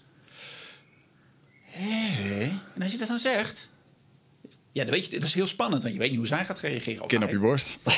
Ja, maar, maar dan, dan is het in die open. Ja. En dan, dan, en, maar dat kan, weet je, het kan van alles zijn. Je hebt drie kinderen, je een vierde kind. En je weet zeker dat je partner dat niet wil. Ja. Ja, ga je dat eronder houden? En voor, voor sommigen is het misschien helemaal geen probleem. Maar het kan, het kan gaan wringen. En Ja. als iets gaat wringen, dan moet je het aankijken. Anders gaat het etteren. Ja. Ja, dat is mooi als je. eh, Het start natuurlijk wel met de veiligheid die men voelt om, eh, eh, om zoiets te bespreken. Bijvoorbeeld gewoon de vraag van inderdaad, eh, hoe zou je het vinden als ik met iemand anders eh, wat zou doen? Gewoon. Nee, maar dan stel je Je moet niet zeggen, hoe zou je het vinden? Zou ik, ik ben nieuwsgierig naar hoe het is. Eh, nou ja, ik, ja, uiteindelijk kan je natuurlijk zoiets, kan zoiets in een discussie voortkomen. Dat als je het gewoon over het feit hebt van ja, oké, hoe staan wij erin? Hoe denken wij erover? Willen, wij elkaar, willen wij elkaar delen of niet? Of hoe voel je je dan? En ehm, ik denk het slechtste wat je kan doen is, wat ik heel veel zie bij dit soort, ik moet er eigenlijk niet over oordelen, maar dat doe ik dan toch wel eventjes. Eh, men die hier een, een, een idee bij bedenkt van nou wij doen het zo, dit zijn onze regels. En eh, ja, maar dat hebben we afgesproken, dus ik mag dat. Maar dat stuk, eh, dat is leuk op papier. Maar als het straks echt gebeurt, dan weet je nooit wat er in iemand omgaat. En dan kun je nooit eigenlijk terugrefereren. Ja, maar dat hebben we toen afgesproken. Ooit hebben we dit gezegd. Als jij dat mag, mag ik het Ja, ook. ja, En nu ja. doe ik het en dan krijgen we ruzie. Ja, weet je? Ja, ja. en nee, je- dat is gewoon, je kunt niet reageren hoe dat iemand zich voelt. Misschien heeft iemand zich wel gruwelijk erin eh, vergist. Of, eh, Ja. of, of werd het uit een schuldgevoel gedaan of uit een. Ja. En misschien was het toen waar en nu niet meer. ja, Ja, dat kan ook nog. Hè? We veranderen allemaal. ja, ja. En dat is wel een. eh, ja, dat is wel een, een taai voor heel veel kappels. Ja. Ehm, als nou, het, het... is misschien mooi van, van om de, eh, je zegt die veiligheid. Het is natuurlijk belangrijk, en dat, dat is net als met vaderschap. Die veiligheid, als je je veiligheid soort zoekt bij je, bij je partner, zeg maar, ja, dan, dan is het definitie, per definitie is het, is het al rommelig. Het is in een ideale situatie, en er zit bijna niemand in, maar is het fijn als je in jezelf zo veilig bent ja, dat jij durft te zeggen tegen je partner wat ook is.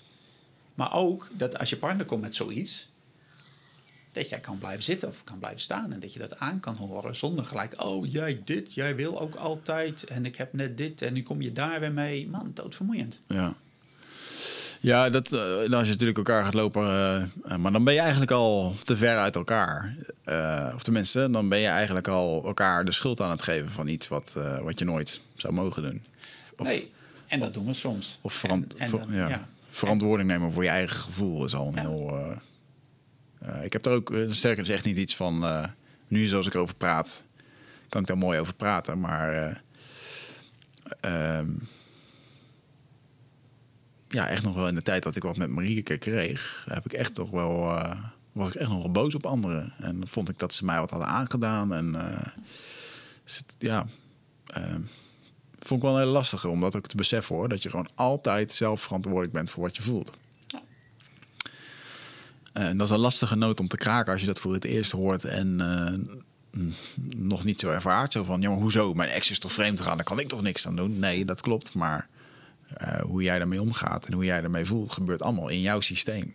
Ja. En die andere doet alleen maar iets waardoor dat bij jou wordt opgewekt en dat er op knoppen wordt geduwd.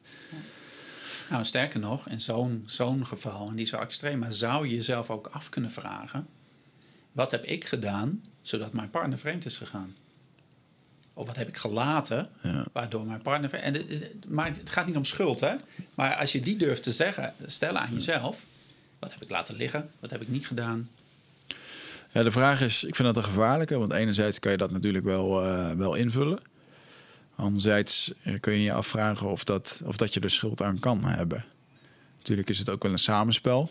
Ik denk in heel veel, heel veel gevallen dat. eh, ehm, je kunt nooit in de krochten van iemand zijn geest kijken waarom die bepaalde dingen doet. En natuurlijk kunnen er wel bepaalde dingen mis zijn, maar misschien waren er al dingen echt in de kern mis. Die, Ja.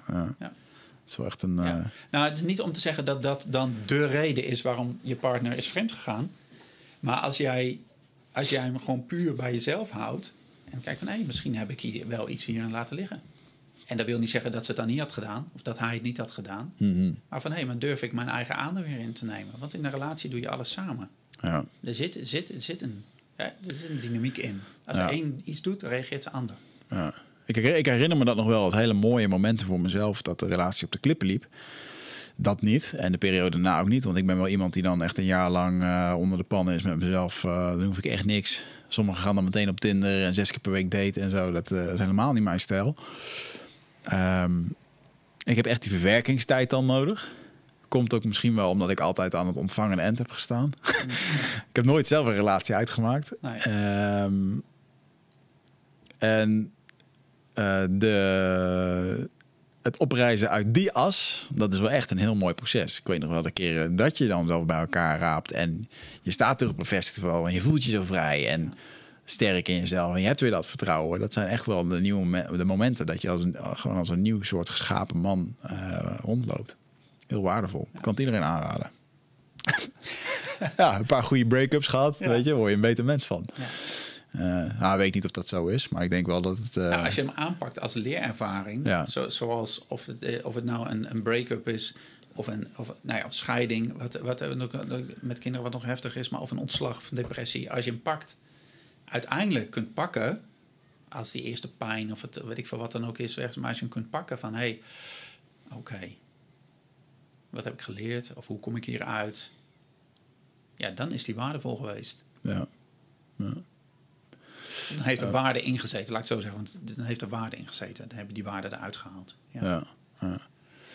Heb jij, ehm, om even het sprongetje te maken naar jouw podcast, want je hebt de Praktijkvader podcast opgestart. Ja. Eh, mooie niche, mooi concept. Hoe bevalt het podcast je? Wat heb je eruit gehaald in de afgelopen jaren? Wat heeft het je gegeven? Ehm, ja, heel veel plezier. Het heeft me heel veel plezier. Ik eh, ben begonnen omdat ik eigenlijk eh, gesprekken met, met mannen die ik, die ik interessant vind, die ik bewonder, eh, die, eh, die- waarvan ik vind dat ze wat te vertellen hebben. Met hun wilde ik het gesprek aangaan over vaderschap. Ja, Eh, van man tot man. Juist omdat ik het in mijn werk ook deed. En ik maar ik wil dat gesprek gewoon maken. Dus ik wil die gesprekken die ik nu voer met, hè, met, met coaches, therapeuten, nou ja, experts, kunstenaars, weet ik veel. Die wil ik, dat, is, dat zijn goede gesprekken en die wil ik gewoon dat die online te beluisteren zijn. Zo ben ik begonnen. En eh, ja, dit, ik, vind het, eh, ik vind het heel leuk om te doen. Ik ben een hele luie podcaster, dus ik doe het ook niet volgens, eh, volgens de boekjes. En soms dan denk ik van, oh ja, ik zou het wat meer volgens de boekjes moeten doen. Dus nu is het al geloof ik weer drie maanden geleden dat ik mijn laatste online heb gezet. En, ehm, en in het begin vond ik daar wat van, maar inmiddels denk ik, ja, weet je, dit is mijn manier. Ja. Dit is zoals ik het doe. En, en dan soms komen er in één keer, komt er om de drie weken komt er weer eentje. En dan zit ik in de flow. En, eh, dus, maar het zijn wel, eh, wat ik mooi aan vind, is dat, dat, eh, dat ze blijven online staan. Dus ik krijg nog steeds allemaal reacties op van podcasts die ik vier jaar geleden heb opgenomen. Ja. En die zijn nog steeds relevant. En wat ik, eh, wat ik leuk vond, is, is een manier zodat nieuwe mensen of mensen die mij nog niet volgen of die nog helemaal niet zo met vaderschap bezig zijn, een manier om zich in te verdiepen. Dat was, ook, dat was het idee ook. En wat ik het gave vind, is dat het een ehm, soort bijeffect is dat het een ontzettende verdieping is bij de trainingen die ik geef. Dus de mannen die al in een training zitten bij mij, of die overwegen een training te volgen, die luisteren die podcast op het moment dat ze in de training zitten. En dan krijgen ze nog veel meer input op het moment dat ze helemaal al, bij wijze spreken, openstaan om hiermee bezig te zijn. En dat is een verdieping die ik niet zo had, ja, daar gewoon niet bij stilstaan. Maar dat maakt de training die ik geef beter eigenlijk. Omdat er veel meer materiaal beschikbaar is. Omdat ze tussendoor ook veel meer mee bezig zijn. ja. En eh, ja, en, en, dat, en dat levert gewoon een hele leuke... eh, nou ja, daar weet jij alles van. Maar eh, gewoon gesprekken op, ontmoetingen op met mensen. Ik kom op dingen waar ik anders niet op was gekomen. Zeg maar, mensen verwijzen me door en ik van... Weet je, ik ben, eh, nou ja, Paul Smit, eh, Patrick Kikken, zeg maar, die hebben me echt op het pad van die non-dualiteit gebracht. Ja. Nou, daar kunnen we drie podcasts op zich over opnemen. Maar de, dus dat is, dankzij hun ben ik erin gedoken. En dat heeft me ontzettend veel gebracht. Ja, leuk. Dus, dus, dus ook voor mij als, gewoon als mens, ja, is het gewoon, eh, is het gewoon te gek. Ja. En, en ik ben steeds meer gaan doen wat ik gewoon leuk vind. Dus dit past daarbij. Dus, en dat mag ik doen van mezelf. Ook al heeft het niet direct allemaal business eh, kansen of zo, zeg maar. Of levert het niet direct geld op. Maar ik mag het gewoon doen omdat ik hiervan geniet. Ja. Dat ik het leuk vind. Ja, ja, dat is het mooiste. Ik zie hier ook een, een mooie quote staan van een van jouw gasten, Ilko Smit. Een gelukkige man is een goede vader. Staat erbij als titel. En, en eigenlijk is dat het ook gewoon. Je, ook in een relatie. Van ja, moet je dan veranderen of wat dan ook? Nee, je vrouw wil gewoon jou in je gelukkige vorm zien. Dan ben je een fijn mens, weet Ja. je wel. Eh, en inderdaad als vader ook. Gewoon, eh, eh, ja, jij hoeft de anderen niet gelukkig te maken. Hoeft alleen maar jezelf te, te behelpen daarmee. Ja, en dat is, dat is, ik denk dat het daar is waar we het vaderschap soms een beetje waar we de plank misslaan. Omdat we zo de, de focus leggen op opvoeden. En mijn kind moet gelukkig worden, dat zei je net ook. Of ik moet het goed opvoeden. Want als ik mijn kind niet goed opvoed, dan gaat het mis, zeg maar. Want wat dan? Maar op het moment dat jij gewoon goed in je vel zit. Dus dat jij doet wat je doet, zeg maar, waar je blij van wordt. Dus als je echt weet wie jij bent, dat je naar jezelf hebt gekeken, denk je, ja, maar dit zijn de dingen waar ik blij van word. Ja. En dat je die, nou ja, redelijk kunt vormgeven in je leven. Dat je relatie op de rit zit, dat je uitgeslapen bent. Weet je, wat, zorg dat je uitgeslapen bent als vader. Want als je moe bent, je doet gewoon domme dingen als je moe bent. Ja, Dus als jij, als jij moe bent, net zoals dat stel in die training, maar als jij twee jaar lang moe bent, is je relatie niet meer leuk, ben je ook geen leuke ouder meer. Want, want je hebt gewoon maar een klein stukje van je hersencapaciteit ter beschikking. ja, Dus ja, zorg dat je uitgeslapen bent. Zorg dat je energie hebt. En dan, weet je, dat opvoeden, dat komt dan vanzelf wel. ja. ja, bij ons is ook wel een stelregel dat ehm, Lea niet het slachtoffer moet worden van eh, je eigen onkunde in plannen of haast. Dus als ik ochtends te laat ben en eh, eh, ik trek Lea half slapend uit bed en we moeten over een kwartier weg. Ja. En, en ik moet wel zeggen, soms zijn er wel dagen, dan, dan doen we niet ontbijten. Dan geef ik gewoon een boterham en dan lopen we lekker naar de auto. En dan is het helemaal prima. Maar die, als ik die gehaastheid bij me draag, dat is ook echt niet relaxed wakker worden voor haar. Nee. En eh, ik had er vroeger zelf ook altijd al moeite mee. Moest ik opstaan en ik was echt wel een dromer. En dan zat ik er helemaal in die bubbel en dan moest er van alles. En dan denk ik, ja, dat had, dat had anders aangepakt kunnen worden. Als ik gewoon eh, even de tijd had om wakker te kunnen worden, weet je wel. Ja. Geen haast, geen stress. Wie is er een gast die je ooit nog een keertje zou eh, willen hebben? Wie staat er op je lijstje? Wie ik eh, graag zou willen hebben, ja, dat is, dat- dan hebben we het echt droomcategorie. Eh, dat is de Amerikaanse schrijver Neil Gaiman. Oké. En, ehm, en die, eh, daar- ben ik een hele grote fan van. Dus een fantasy schrijver, een stripschrijver, maar ook heeft kinderboeken alles geschreven, zeg maar. En hij is op een gegeven moment is, hij is, was getrouwd, kinderen, eh, gescheiden, eh, jongere vrouw. En nu is hij 60 en nu heeft hij een kindje van twee. En, ehm, en ja, en nou, ik moet zeggen, weet je, Tim Ferriss die heeft er tien jaar over gedaan om hem te mogen interviewen, zeg maar. Dus dan Oké. dus de, dat duurde heel lang voordat, voordat hij bij Tim Ferriss in de podcast kon komen, wilde komen. Weet ik. Maar dat is echt, ehm, ja, dat is wel. Ik heb een hoop helden, maar hij is wel een van mijn grote helden. Hij heeft een fantastische, hoe heet het, zo'n commencement speech gemaakt, waar hij van die afgestudeerden toespreekt. eh, op een kunstacademie in Amerika. En die heet Make Good Art. Dat is best wel een bekende.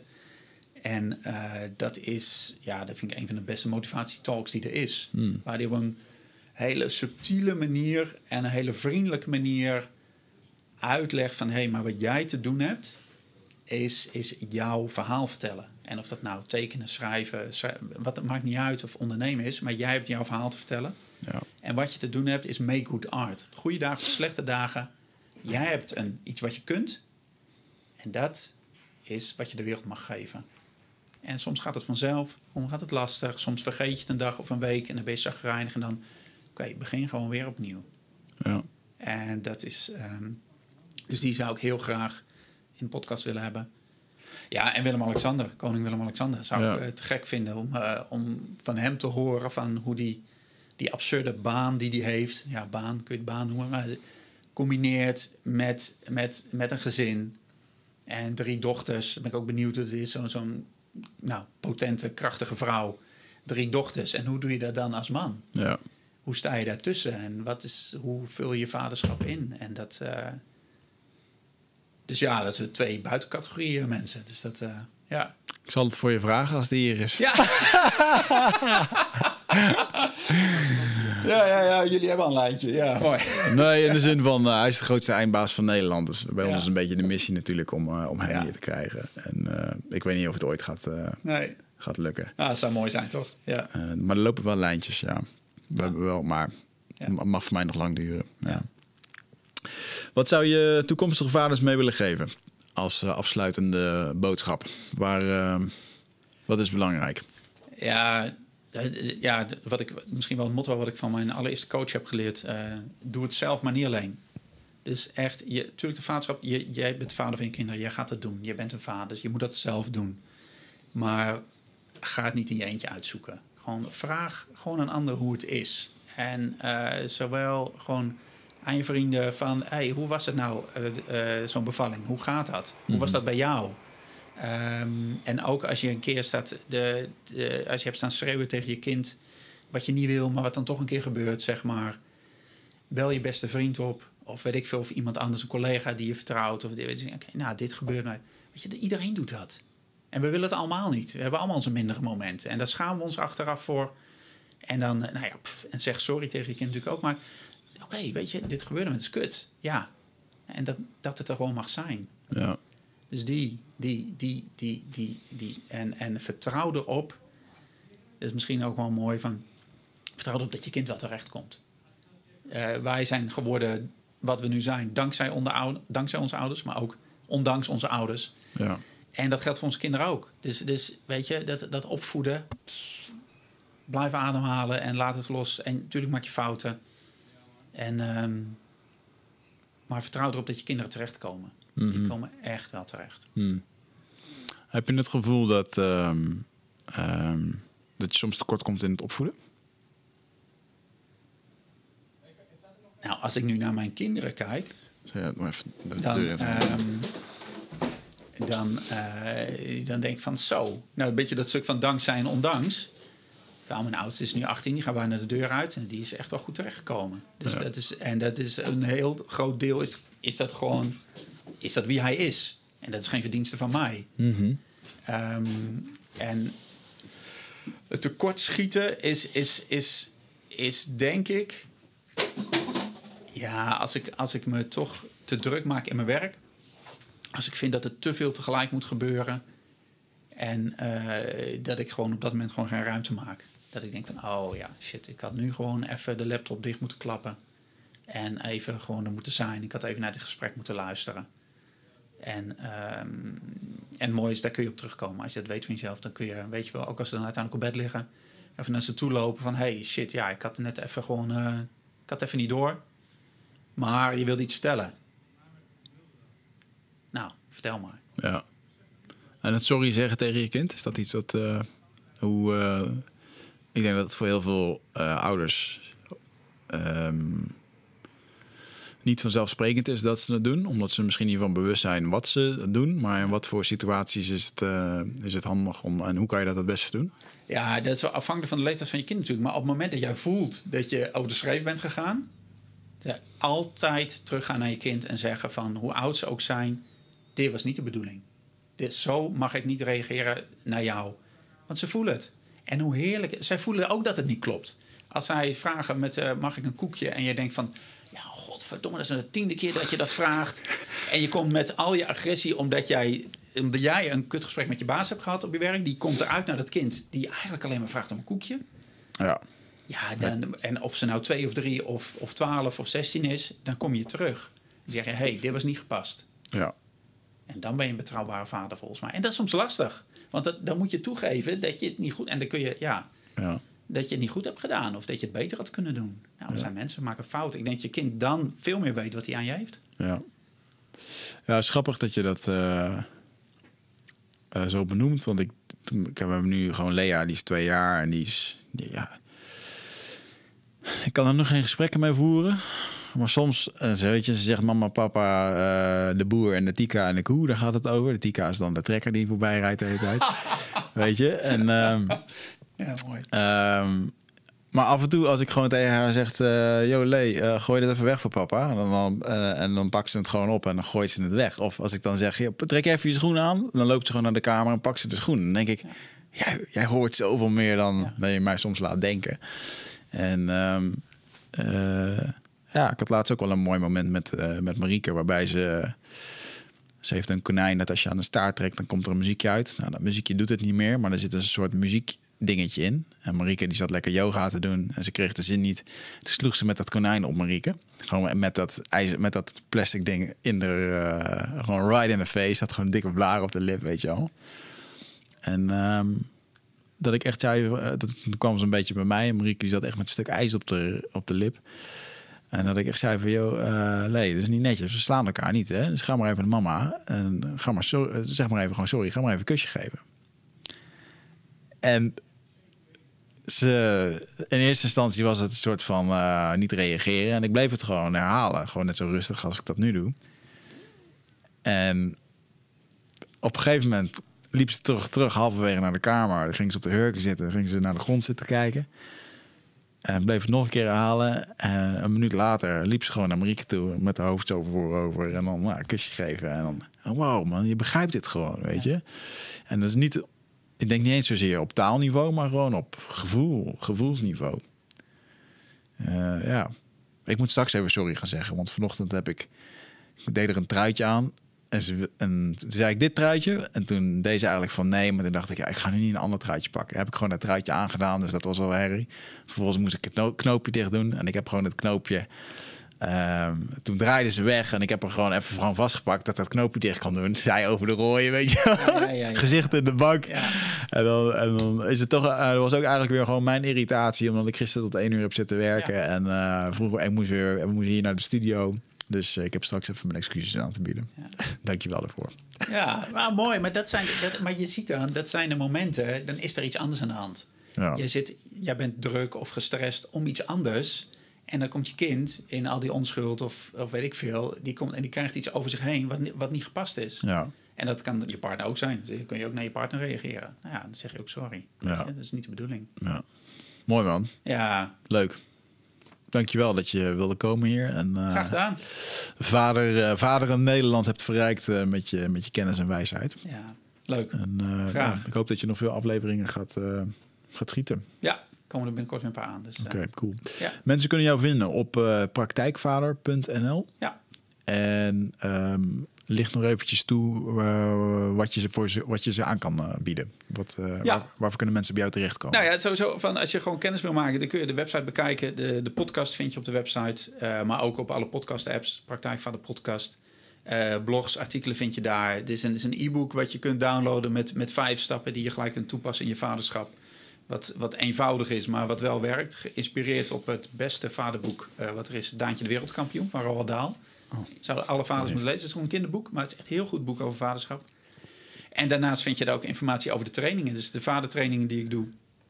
Uh, dagtrainingen, uh, training van meerdere avonden. En als de zweethutten weer mogen gegeven worden, gaan we ook weer weekenden doen met zweethutten. Ook vind je daar informatie over de relatietrainingen die ik samen met Wendy doe met mijn vrouw. Die heet Liefde, Liefde. Dus vind je ook allemaal informatie over. Dus, dus, kijk gewoon en als je vragen hebt, stuur me een mailtje. Mooi. Ja. Dat was hem dan. Luisteraars, dankjewel voor deze keer dat je weer hebt geluisterd. En uh, tot een volgende keer.